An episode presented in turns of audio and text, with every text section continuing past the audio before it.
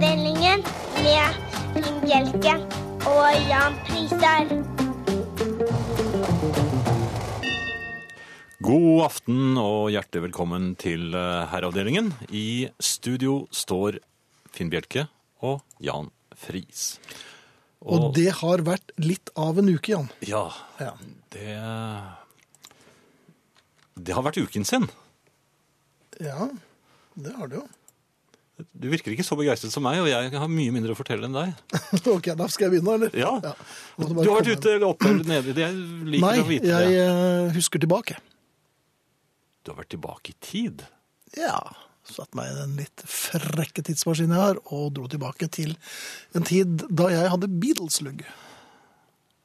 Ja vel, i Ja. 1961. Nei, da hadde jeg vel mer sånn lugg jeg hadde nå, egentlig. For det var ikke da jeg var to år. Nei, men frisøren.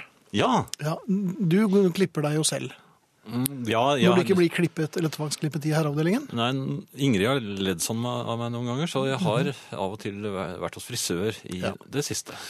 Har du det? Ja, I men det er ikke sånn som før. Nei, men jeg ser en ting jeg ikke savner. Mm. Frisøren. Ja, Når du er hos frisøren. Har du noen gang vasket hår hos frisøren? ja men det, det, jeg er ikke noe glad i det. Nei, jeg det skjønner ikke hvorfor de må, må gjøre det, fordi jeg, jeg, Det er redd for uh, ebola og sånn. Nei, jeg føler at de bare skal tjene litt mer. Jeg vet ikke hvordan de tjener litt mer, men nei. eh, Men du, har vasket hår hos frisøren. ja, det har jeg gjort. Og Jeg er ikke stolt av det. Jeg prøvde det et par ganger. ja, men det, nå, nå, Ja, ja. nå snakker du om gamle dager. Ja, altså, jeg er ikke så gamle dager, da. Nei, men sånn eh, 80-tallet? Det er 80-90 til og med. Um, jeg prøvde det eh, altså et par ganger, og jeg ble ganske god til å ljuge. Ja, men hva har det med- Jo, nei, men hør nå. Frisøren sier fyller, eh, eller setter i gang rørene, Ja.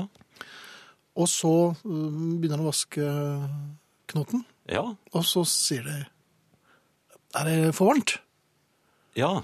Og man vil jo ikke fremstå som en uh, liten portemonnaie, så man sier nei, det går helt fint. Men så kjente jo at hodebunnen bare smuldret opp under hendene til denne kyndige frisøren. Du hørte fresing, Ja, gjorde fresing. Det, Det sto jo ba, X bar X oppå knotten min. Det var jo merket for livet.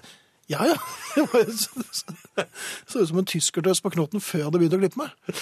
Men, men jeg bare husker at jeg lå der med hodet bakover og, og åpen munn og gråt. Mine modige tårer. Nei, dette er ikke varmt. Ja. Men det var jo kjempevarmt. Ja, er... ja, men eh, noen er jo flinke, da. Ja, I utlandet i hvert fall. Har jeg vært utfor, utfor Ja vel.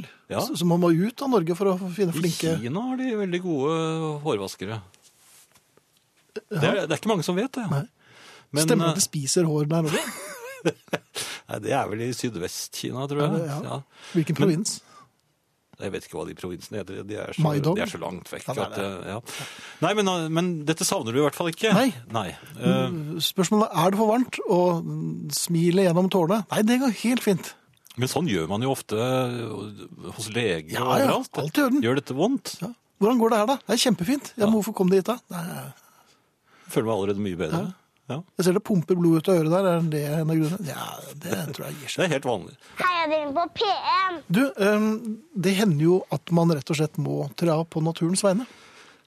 Ja, det er hender. Det skjer jo både titt og ofte, det Ja. da.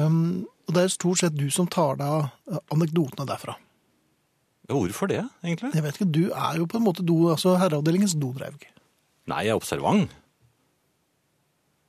Vil, Ja, og så, og så bruker du vel relativt lang tid på Å snakke om det. å snakke om det, ikke minst å observere dette her. Så, Jo, men det er jo kanskje noe av det mest eh, menneskelige du kan gjøre. Det er jo å jo da, men, men jeg vet Ja, takk.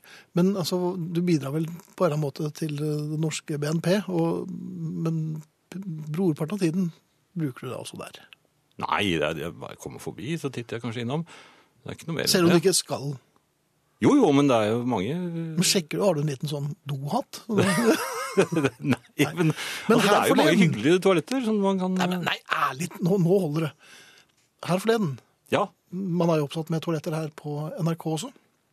ja det har jeg jo oppdaget. I alle etasjene, til og med. Ja og jeg skulle egentlig bare inn for å hente Jeg hadde med meg vannflaske. For jeg skulle Du skulle bare? Ja, jeg skulle bare.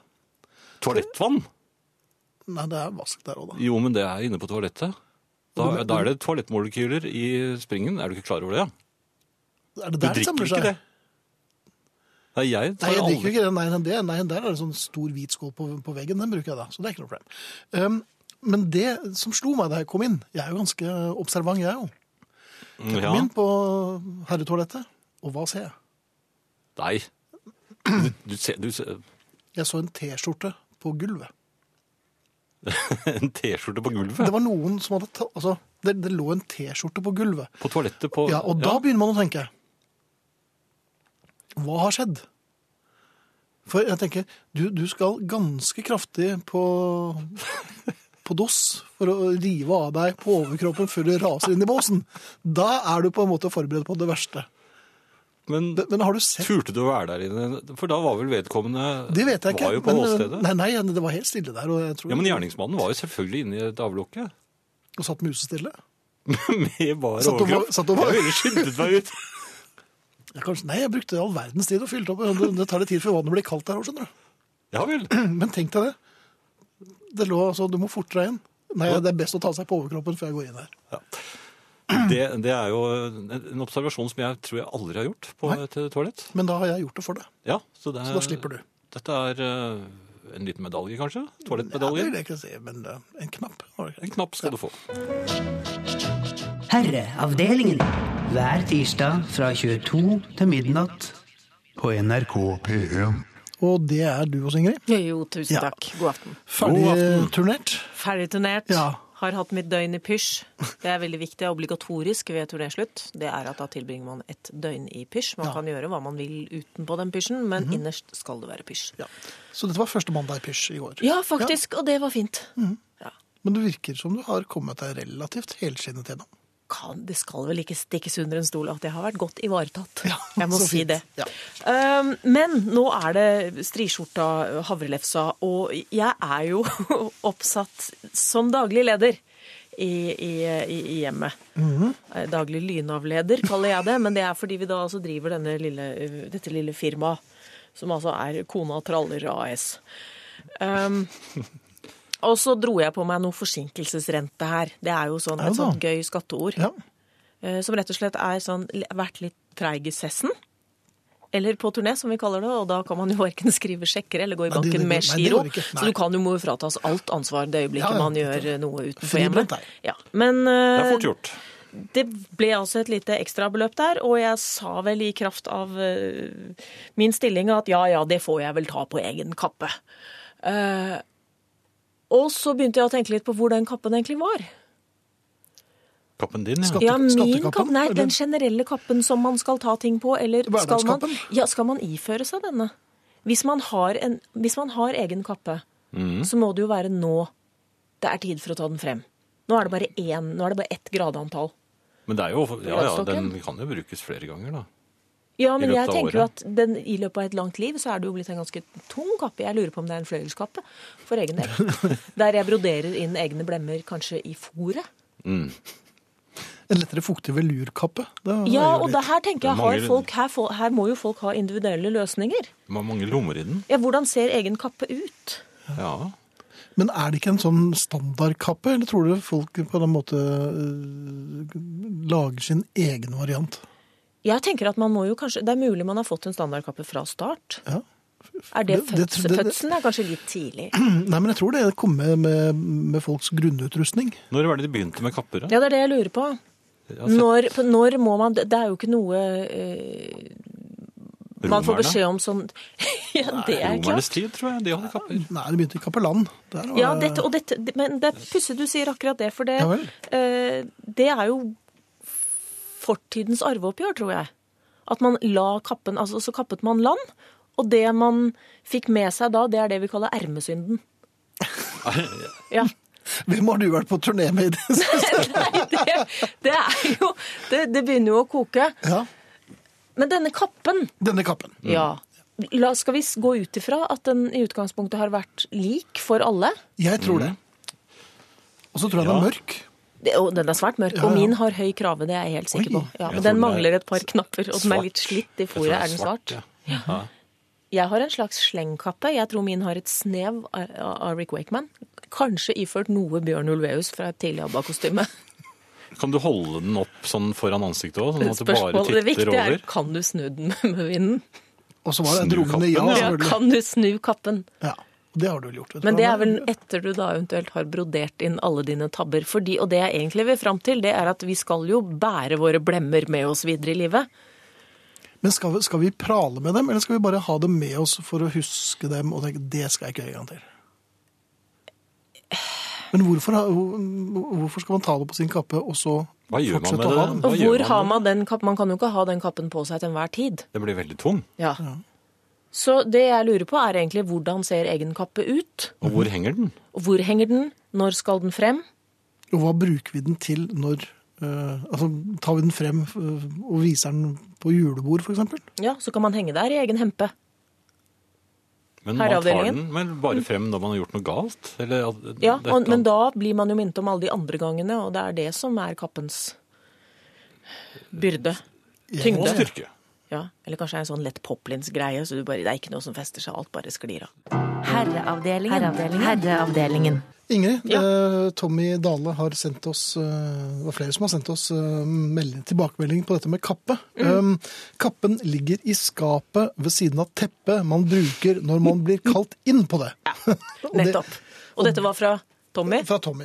Tommy. Eh, Tommy går jo rett til kjernen av, eh, av problemstillingen, fordi at det teppet du blir kalt inn på, det er jo det teppet du senere skal feie ting under. Er det samme teppet? Ja, det er det samme teppet. Men hvis man da skal dra rundt på denne kappen, som er full av ting av gamle blemmer Ja, eh, Ja. bare si, Vera skriver at hennes kappe har størknede sjokoladeflekker. Ja, men det er litt hyggelig. Jeg Ja. tror jeg vil bytte min litt tunge fløyelskappe med en litt lett poplins-affære. Med sjokoladeflekker. Som er vann- og blemmeavstøtende, ja. Men vi skal altså ha en kappe, og så skal vi ha med oss et teppe som vi både skal kunne inn på og, og gå inn på, og feie Kalle- ting inn under. Og kalle inn andre på. Kan vi Ja, ikke er det det det er det det er til? Men man skal også få seg hatten, man skal også få seg hatten passer, så man må Så jo ha et eller annet altså hatt, et hodeplagg. Det må man også. Ja. teppe, men ikke noe av dette kan stikkes under en stol. Eller kan det det? Eller er det fullt under stolen fordi det både er hatt, kappe og teppe? Du må ha med små sko òg. Er det mulig å slå sammen dette? Er det mulig å forenkle? Som en slags grunnutrustningspakke, eller altså en Ja, det er jo alt dette man skal gå og dra på. I militæret fikk man en sånn, øh, sånn øh, overtrekkskappe som man kneppet sammen, og så ble det telt. Får du plass til Ja, alt Det får du ta på eget telt. ja. Ai, ai, var det så ille? Ja. Er det en slags, nei, jeg leter etter en slags, en slags forenkling. Jeg tror du må ha en vogn. Særlig med tanke på en vogn. Ja, En sånn kjerre som de hadde jeg husker i gamle dager. En når karet. De, når de ble drevet fra sine hjem. Da hadde de en kjerre. Hvem var det som ble drevet fra sine hjem? De sulte. De, De som var sultne. de sul hvis du var sulten, og hvis du hadde gått glipp av lunsjen, da var det rett ut, da. Nei, det var jo grunnen til at de var, at de var sultne. Da. Det, var, ja. det var jo da armoden rammet landet. Ja vel. Ja. Da, da, ja, men da hadde de kjerre. da ble de jaget. Og der, der, der satt det ofte et lite barn og dygnet med bena, og så hadde de kanskje en stol og et teppe og slike ting. Ja. Jeg liker når Jan bærer historien på sin, tar historien på sin egen kappe. ja. Hvordan ser kappen din ut, Jan? Nei, noen ganger kan den være i tyngste laget. Jeg må innrømme det. Finn? Nei, jeg har ikke kappe, jeg har bare en bitte liten singlet. For det har gått såpass bra foreløpig, så jeg Kan, kan vi legge kappen bort, eller skal vi Skal kappe vi legge land og sende den videre til skal kommende legge- slekter? Så de Jo, kan drasse på våre gamle blemmer. Det er jo viktig. Ja. Og forsøke å si hadde jeg, det, det ville aldri jeg gjort, eller dette gjorde jeg da jeg var ung. Her har du Så kappen min. med, ja. Vær så god, her har du din fjerde eller kappen min. Ja, men bestefar, da har jeg to kapper. Ja, ja. Det Slekt skal følge slekter. slekt. ta på dine egne kapper. Ta på ditt eget teppe. Jeg tror kanskje jeg skal gi meg nå, men, men øhm, jeg går og henger meg inn med en egen hempe. Og det betyr at du ikke er her neste uke, da? Nei, da, vet du hva? Da skal jeg i pysj. Skal du Det er en hel uke i pysj. Her? Jeg, jeg tenkte ikke det. Det får vi se Nei, på. vi får se. Kanskje det er pysjsending? Nei, jeg er borte en uke. Men det skal jeg ta på Nei, jeg skal ja. Nei, du Ta- Ha det! det. Ja, Nei. jeg trengte ikke men, det. eh, men du, Stikk det under du, får, eh, du får fri neste uke hvis du kommer uken etterpå. Det er klart jeg gjør det. Ja, det er klart du gjør det. Ja. Takk skal du ha, Ingrid, og Takk for meg. velkommen tilbake. Tusen takk. Ha det. Ha det. Herre, herre, herre, herre, herre, herre, herre, herre, herre, herre, herre, herre. God eh, aften, noble herrer. Jeg savner absolutt ikke fluorbørstingen på skolen. Stive tannbørster i et etui med navn i skapet. Ti elever i ring foran skurebøtter til å spytte i, før vi fikk utdelt ti milliliter fluor, slik at vi kunne dyppe og børste i kor. Føy! Men tenna er i god stand, hilser søster T. Ja, jeg husker også den eh, fluor... Men vi måtte skylle munnen, vi. Jo, men det var også for at dere bannet så forferdelig. Og så fikk vi en, en, en sånn der, um, En liten medisindråpe på en bitte liten kjeks. Ja, Hva var det for noe? det var, det, smak, det var litt sånn jordbæraktig, eller sånn rødt. Um, og det var Det var ikke difteri, men det var et eller annet um, Som de ga oss? Ja, ja. Så man fikk difteri. Ja, det var difteri i kjeksen. Ja. Det, jeg, jeg tror at de Men det, det er det helt sikkert noen av familien som husker. Hva var det røde vi fikk på kjeks? Mm. For det var jo det vi likte aller best. Og hvor ble det av piképrøven?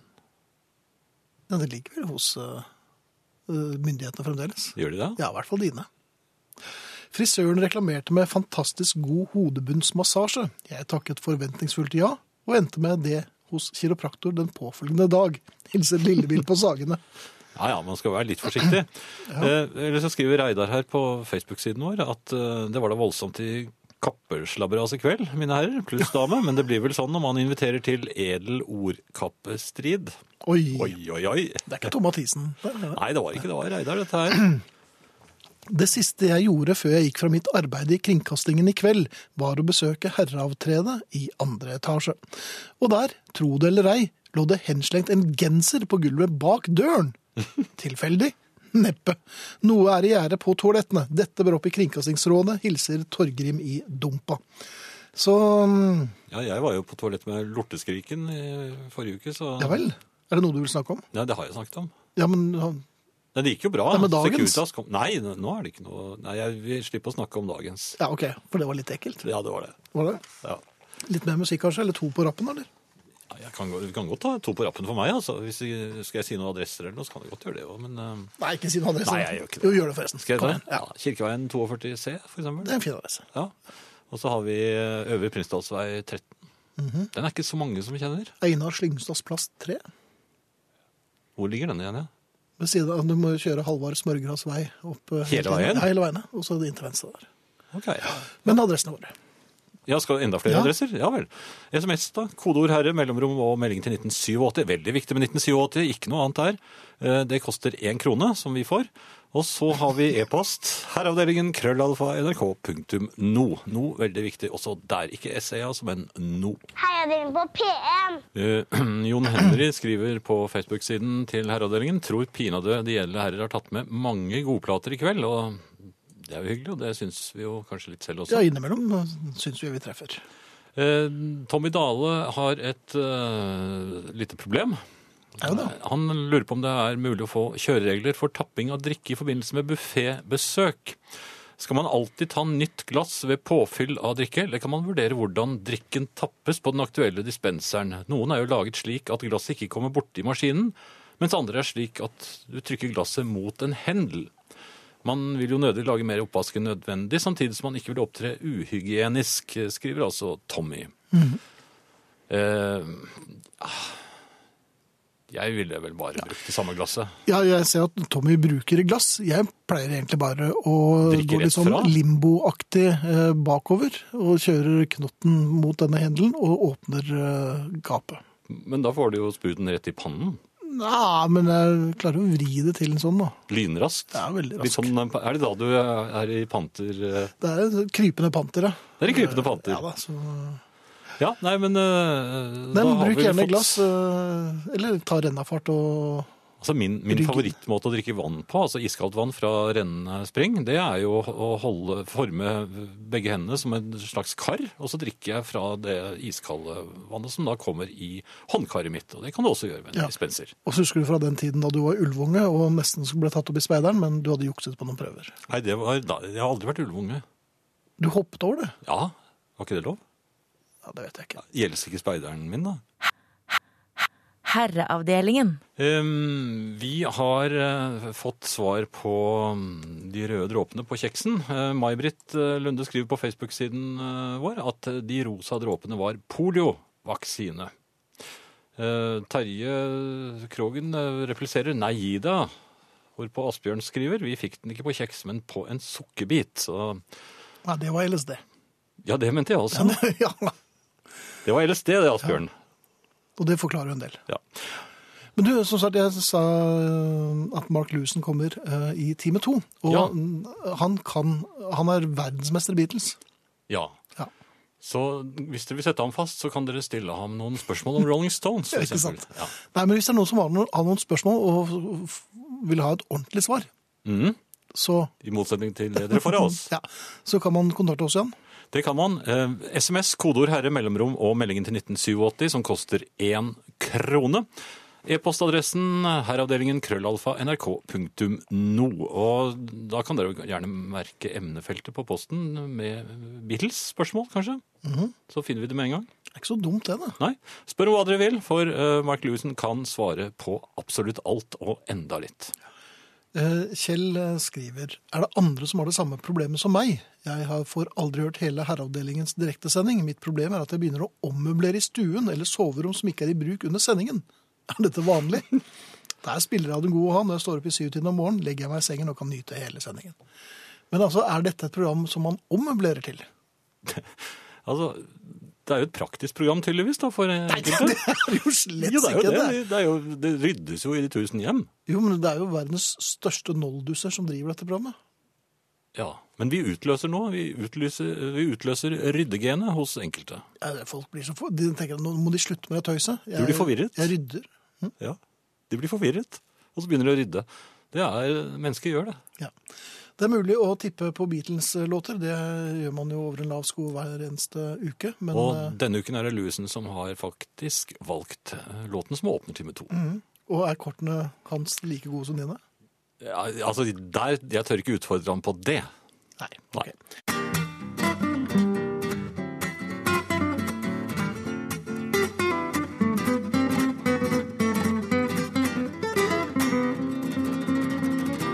Hører på Herreavdelingen i NRK P1 i studio Jan Friis og Finn Bjelke. Jan, vi har gjest.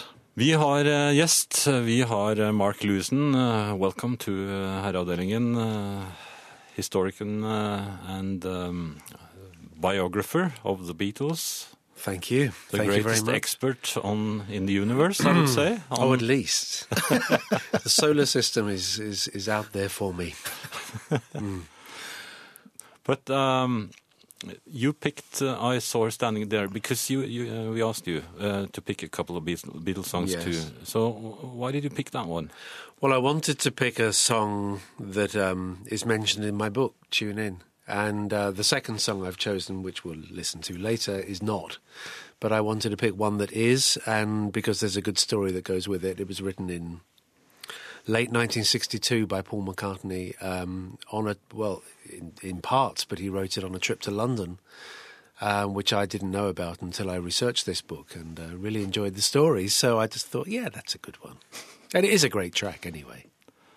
And I, I got kicked out of my band because I was such a lousy player. And we, we tried to play that one, and I was out. Ria, what was your instrument? Guitar. that was useless. Right, So right. thank you for that. Yeah. Okay, it, it was one of those tracks which um, every version you hear of it, George Harrison's solo is different. You know, e- each time they did it, he did a different solo. And you you heard a lot of them. Yeah, um, well, actually, anyone can hear them now because those are among a few other tracks that circulate unofficially. um, used to be called bootlegs, but now I just think it's called the internet. um, but uh, and of course, there's all the live performances that uh, circulate as well. Mark, of course, i- when you first listen to the Beatles, you, most of the people become fans. But what happened with you then? I mean, you, you became like a. You were very young when Yeah. you. Uh, Yes, I was. did you actually grow up with them? Yes, I grew up with them. Um, I wasn't a child of the 60s. I was a child in the 60s. Um, Yes. I was born in 1958, so I'm 56 now. And um, so I heard the Beatles in 1963, and I was a fan from that point on. I, I, I loved the music, but obviously didn't really have the money to go and buy it. I, I relied on presents from parents and relatives uh, until about 1967, 68, when I really could begin to afford. And my first album was Sergeant Pepper, Oh, really? which is a fantastic way to start an album collection. You were nine years old then. Yes, I was nine. Yeah, and it made a huge impact on me. And I, you know, I enjoy all Beatles albums, and to say the least, I enjoy it. But uh, Sergeant Pepper, because it was my first, um, went deepest. But you you uh, had access, you might even have still, uh, to all the tapes that's in the archives of Abbey Road or Yes. EMI or wherever they keep them. But um, you uh, you could actually listen to the stuff that we we cannot because it's not out there. Um, And how was it to sit there in, in in the Abbey Road and hear them joking and talking again? Was it wasn't it spooky? Uh, it was it was an extraordinary thing. It, at the t- it was this, this. I don't have that access anymore. This we're talking about 1987. Yeah. So that's now 27 years ago. uh, and then it was only 20 plus years after the event of these tapes being recorded. So I was closer to the tapes then than we are now to me actually listening to it. It's a long time ago. But it was wonderful. It was absolutely wonderful because I was in Abbey Road. That's a magical place for a start. I was able to go along to the tape library and say, I think I'll listen to Tomorrow Never Knows today. And I would get down the reel of tape and thread it on the machine or have an engineer thread it for me and put up the faders. And I could sit there and isolate the tracks. So just listen to the vocals or the, the bass and drums or the guitar or whatever it might be. And um, but I had a job to do. I wasn't just there to enjoy myself. I was actually there to write a book, which is the recording sessions book. So and and for various reasons that are kind of irrelevant now, um, I was up against a deadline. Didn't need to be, but I was. I was made to have a deadline, and so it was all done in a bit of a rush, more than I would have liked. I'd like to have spent more time really listening to everything, maybe even more than once, but I just had to listen to it, make notes very quickly, and then move on. But it was a fantastic experience, and I had so many people offering to carry my bag for me. please, please, please, can I come with you? And of course, no one could. I wasn't allowed to take anybody in. But I mean, it was a great thrill, um, but also a lot of work. And the recording sessions book resulted from that. But when you say a lot of work, uh, Mm. Tune In is a giant of a book or two books. Mm. Um, how long did it take you to, to write this? It took about three years to write it and a year to nurse it through production stages, and the research was about six years before that. So the total is about 10 years from start to finish. And your head didn't explode. No, no, and I mean, this is the kind of thing I can do. I've been saying to a couple of people whilst I've been here in Oslo, um, you know, there's, we all have skills in life, and there are so many things I can't do. Um, practical things, particularly, but but Welcome to the club. but but I just happen to have a, an, an unending um, interest in learning about these guys, these the Beatles, and how it all happened, and the wider cast of people around them. All of that fascinates me. I have a good memory, a retentive memory for the things that I discover. Uh, I love research. I was kind of born to be an amateur detective. And um, and I can write um, this stuff. Absolutely. This is what I do. But there's Um, so many details that you go through. I mean, when do you stop? I stop when I feel like I've.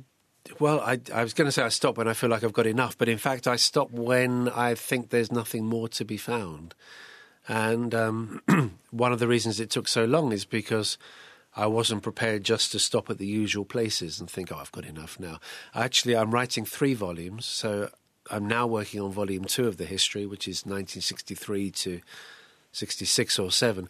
I have enough now. Mm-hmm. I could stop write, researching now and start writing tomorrow. Please do.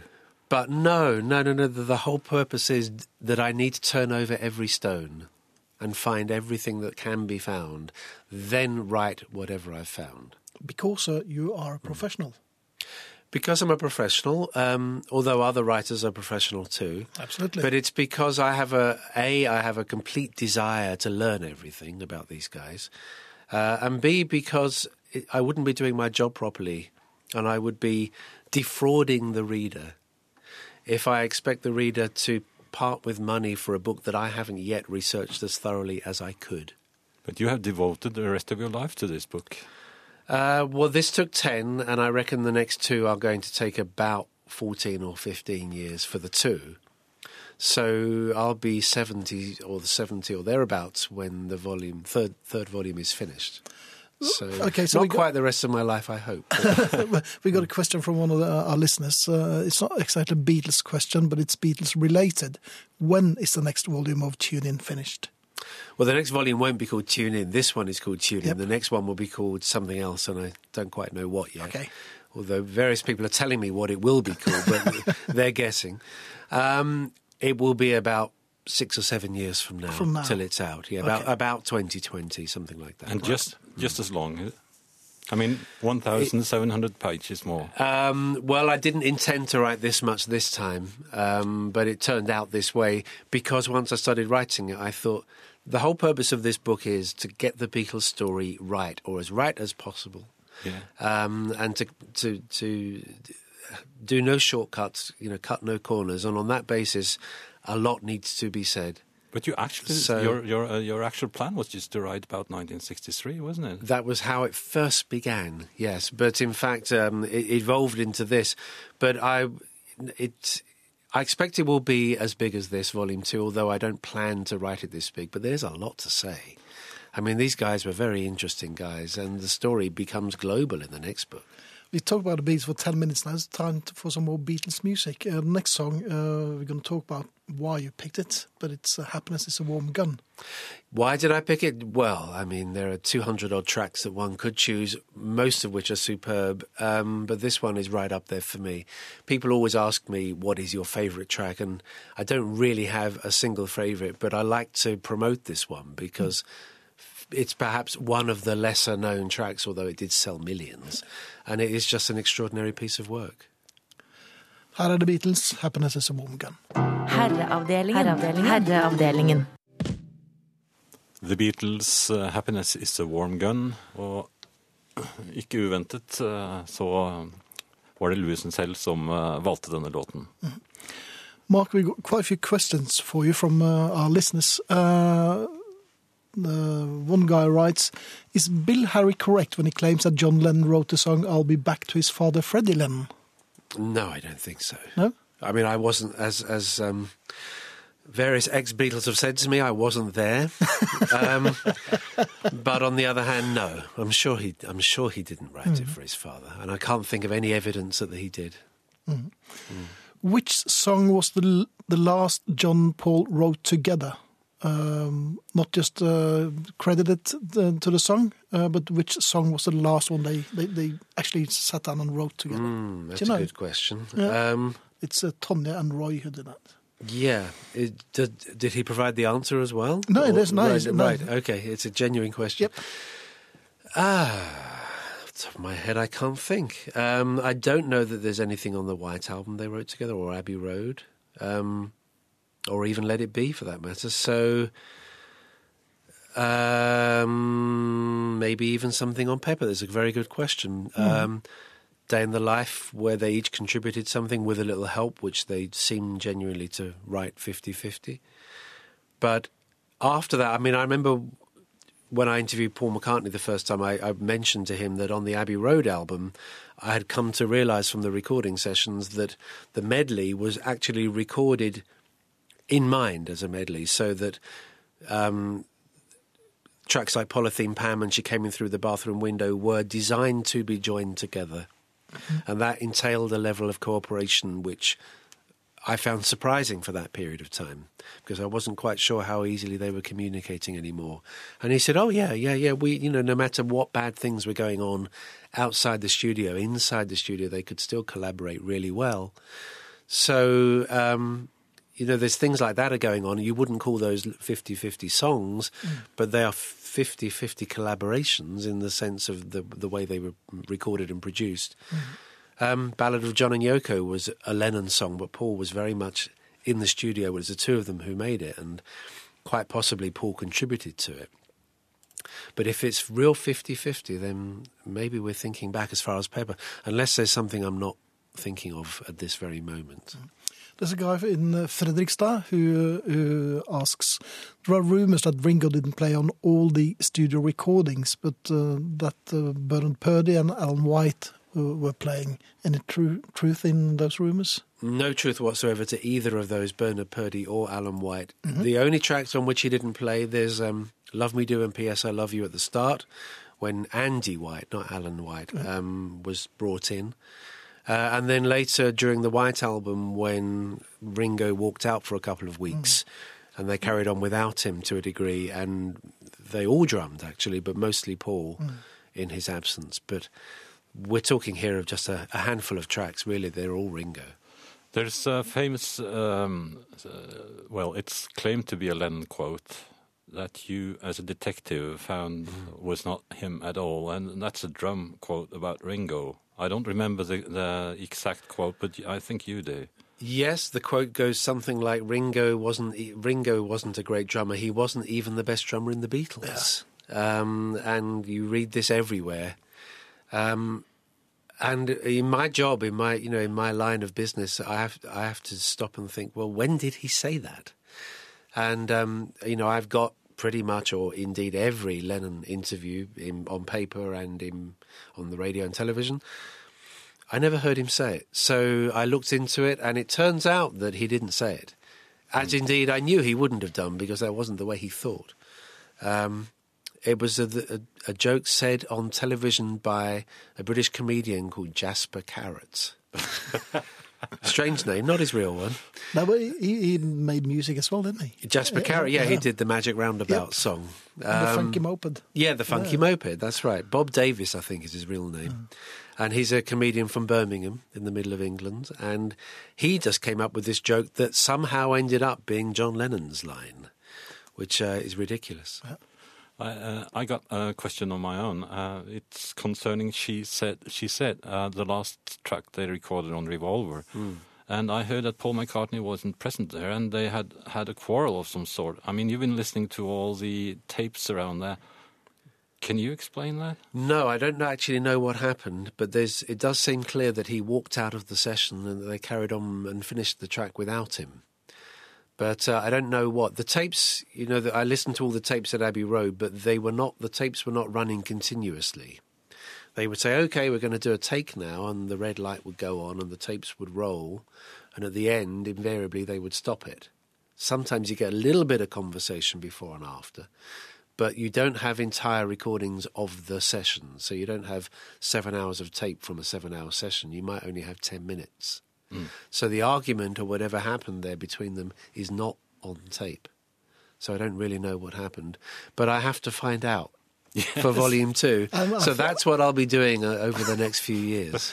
And Hmm. finally, Mark, uh, well, first of all, thank you for, for the tune-in book. Uh, This is just, uh, it's just a, a plethora of information. It's almost too much for a, a layman, but uh, it's brilliant. Thank you. Um, well, it's a pleasure. um, why do we still feel so strongly about the Beatles and why do we still love them? I brought my 16 year old daughter to see Ringo, and it wasn't a great show, but when he came on and played I Wanna Be Your Man, uh, I turned around and said, It's almost Beatlemania now, and he was just crying. Ah. But it was just like, you know, but why do we. well, that's a great question. I mean, yeah, you, you- did he know the answer why he was. Why, why? I mean, why was he almost crying? No, no, no, no, but my daughter was crying. Oh, your daughter, Yeah, my I bet you- daughter. you- and you saying- she, yes. she- Yes, she's I- I- 16 and she's never seen But why? Beatles. Why was she? Did you? Did I you don't ask? know. Uh, Yes. And she couldn't explain. She was just crying. Hmm. But what is it with the Beatles? The, the Stones? Nah. Well, the music, the quality of the music is still fantastic. I don't know how they did it, but they managed to inject f- such a freshness into their recordings that they still sound good today. I mean, they couldn't have known that. They were just making tracks in the moment. Yeah, for the- for teenagers and and maybe a, a couple of twenty years old. Yeah, and, and for themselves. They were doing it for themselves. Uh, they knew what their audience was, but uh, they they were never confined. They never designed their music for their audience. I think they did it to please themselves mostly. Quite clearly, they were extraordinary composers and musicians, artists. But beyond that, there was something about them that a chemistry that they, they couldn't even explain. You know, they were always asked, why are you so, so, successful? And their line was, if we knew, we'd form another group and be managers. well, there's an answer right away. They were funny. Yeah. You know, they were funny as well as talented. But who could have known, and so this includes them, that 50 years on, they would still be of great interest and seemingly becoming ever more interesting. I think there's something about them that, as the, as the years go by, they seem even more interesting, and their story becomes even more incredible than it was before. It's a sa- saying on the internet I read. Bing was threatened by Frank. Frank was threatened by Elvis. Elvis was threatened by the Beatles. The Beatles haven't been threatened for by anyone in 50 years. Yeah, I mean, huge acts have come and gone. They many of their achievements have been outstripped. Artists played to bigger audiences at stadiums. Album sales, in the, particularly in the seventies and eighties, outstripped the Beatles' sales. You know, Michael Jackson's Thriller sold how many times as many as Pepper? Five, six times as many as Pepper. But somehow the Beatles endure, and um, certainly in terms of influence and the, and the way that they changed everything, no one, it seems, can ever eclipse the Beatles. And also, uh, a lot of thanks to you, sir. I'm just I'm just in the fortunate position of being able to chronicle what they did. Uh, and I'm obviously loving it because I've been, you know, what a thing to be able to do for a job to write about the Beatles. But um, if I can in any way just help people appreciate what they did, though I'm not trying to do that, I think just by setting down what the Beatles did, um, people who read that will gain a fuller appreciation of, of, of those people. Thank you, and we hope to see you next time when the uh, second volume is out. Yes, thank you. I'll Okay. be I'll be here in 2020. Brilliant. Okay. Cheers. Herreavdelingen. Hver tirsdag fra 22 til midnatt på NRK P1. God kvelden. Er det viktig for deg å få god service? Vi sier gjerne det. Jeg var på en utrolig koselig restaurant, og det var så god service. Av og til velger vi å handle eller ete en sted der vi er særs nøyde med servicen. Vi vil gjerne at folk skal være hyggelige mot oss, se oss og anerkjenne hvor viktige vi tross alt er. Service trenger ikke være så mye. Det holder med et smil. Da kan kjøttkaken eller gratengen være relativt midt på treet. Derfor er det lurt å være ekstra god på service hvis det du har, ikke er så utrolig spesielt at det tar pusten fra folk. Og det gjelder selvsagt det meste nå for tida. Det meste er jo likt. Det er ikke mange som har noe helt unikt. Nokre unntak er det selvsagt. Folk i Rogaland kjører milevis for å ete kjøttkakene til Anna på Byrkjedalstunet. Men der er både de og servicen veldig god. I Møre og Romsdal dreg folk omveier for å få tak i de beste svelene. Og noen dreg til Tromsø bare for å ete grilla tørrfisk på skarven. Men har du ikke noe som får blodet til å bruse, så må du satse på service. Og omvendt er det jo egentlig at hvis det du har er veldig bra, så kan du være dårlig på service. Men sure folk med veldig god mat, det går ei stund, men det går ikke i lengda. Da må maten være helt ekstraordinær. Men det er altså noen som satser på dårlig service. I Helsinki har filmbrødrene Kaurismäki åpna Moskva bar. Der er interiøret for Sovjetunionen på 70-tallet. Det er veldig stygt. Belysninga er grell. Utvalget er dårlig, de har bare én øltype og ett vodkaalternativ. Hun som står bak disken, er sur og tverr, og folk står i kø for å komme inn der. Men det er altså noe en skal være veldig varsom med, det er å balansere på en knivsegg. Jeg anbefaler god service som en leveregel. Smil og vær blid, uansett hvordan vi kunder oppfører oss. Jeg godtar gjerne et rom med utsikt mot ventilasjonsanlegget hvis innehaveren er blid, gjør så godt han kan, og kanskje byr på en lokal dram. Dessuten skal du få et lite tips av meg. Hvis du reiser på ferie og ikke har uavgrensa hotellbudsjett, gå heller for det fineste rommet på et litt mindre hotell enn det minste rommet på et kjent luksushotell. Sjøl små familiehotell har ett flott rom, gjerne med både utsikt og balkong. Da kan du kose deg der, i stedet for å sitte blant gullsøylene i en stor lobby fordi det er så trangt på det vesle rommet ditt ved heissjakta at du må ut i gangen hvis du skal snu deg i senga di. På Voss, i gamle dager, var det lett blanding på servicen. Men noen hadde skjønt det. Ingvalden på Endeve Sport var en entusiast du skal leite lenge etter. Og Bakkatun, som selgde biler, han var helt rå. Jeg husker far min hadde en kompis som en dag kom til han og sa han hadde kjøpt seg ny bil. Far min, som er relativt interessert i bil, bortsett fra en kort periode der han kjørte Saab, han spurte selvsagt hva slags bil er det du har kjøpt deg? Kompisen hans svarte jeg veit ikke, men jeg kjøpte han jo Bakkatun. Herreavdelingen hver tirsdag fra 22 til midnatt på NRK P1. Vi, eh, vi er jo som Ola var fra Sandefjord. Vi går på engelsk og norsk. Og nå er vi tilbake På det språket vi kan. på det språket som eh, Nesten. Ja, i hvert fall er betydelig mye bedre i. Eh, Jeg har eh, et lite, en liten observasjon. Verden er mye større enn man tror. Sier du det? Jeg var så sikker på at den var blitt mye mindre. Ja, det trodde jeg også. Ja. Men jeg skulle nå møte mm, hånd, håndverkeren min på Ikea. Og han, du, du har egen håndverker. Ja, i hvert fall i øyeblikket. Han, eh, vi, vi skulle møte ham der, eh, min kone og jeg, og vi møtte jo friskt opp litt tidlig, sånn at vi hadde sett litt ekstra på forhånd, for vi skulle da se litt på garderobeskap. Så eh, dukket han ikke opp, så ringte vi, og han sa mm, hyggelig til oss at han var der om to minutter. og det var jo greit. Så gikk jo to minutter, og det ble 15 og 20. Så begynte vi å ringe ham, og da virket han litt forvirret, og han sa nå er jeg, i- nå er jeg der, nå er jeg på garderobeskapene. eh, så sa jeg ja, hvor da? Jeg ser deg ikke. Så sa han ja, det er rett bortenfor computerne. Eller sånt, og han, det er ikke noen computere her, sa jeg. Ja da. Ja, altså, og så sier han ja, hvilken Ikea er dere på? Så visse. Dere var på slepeenden.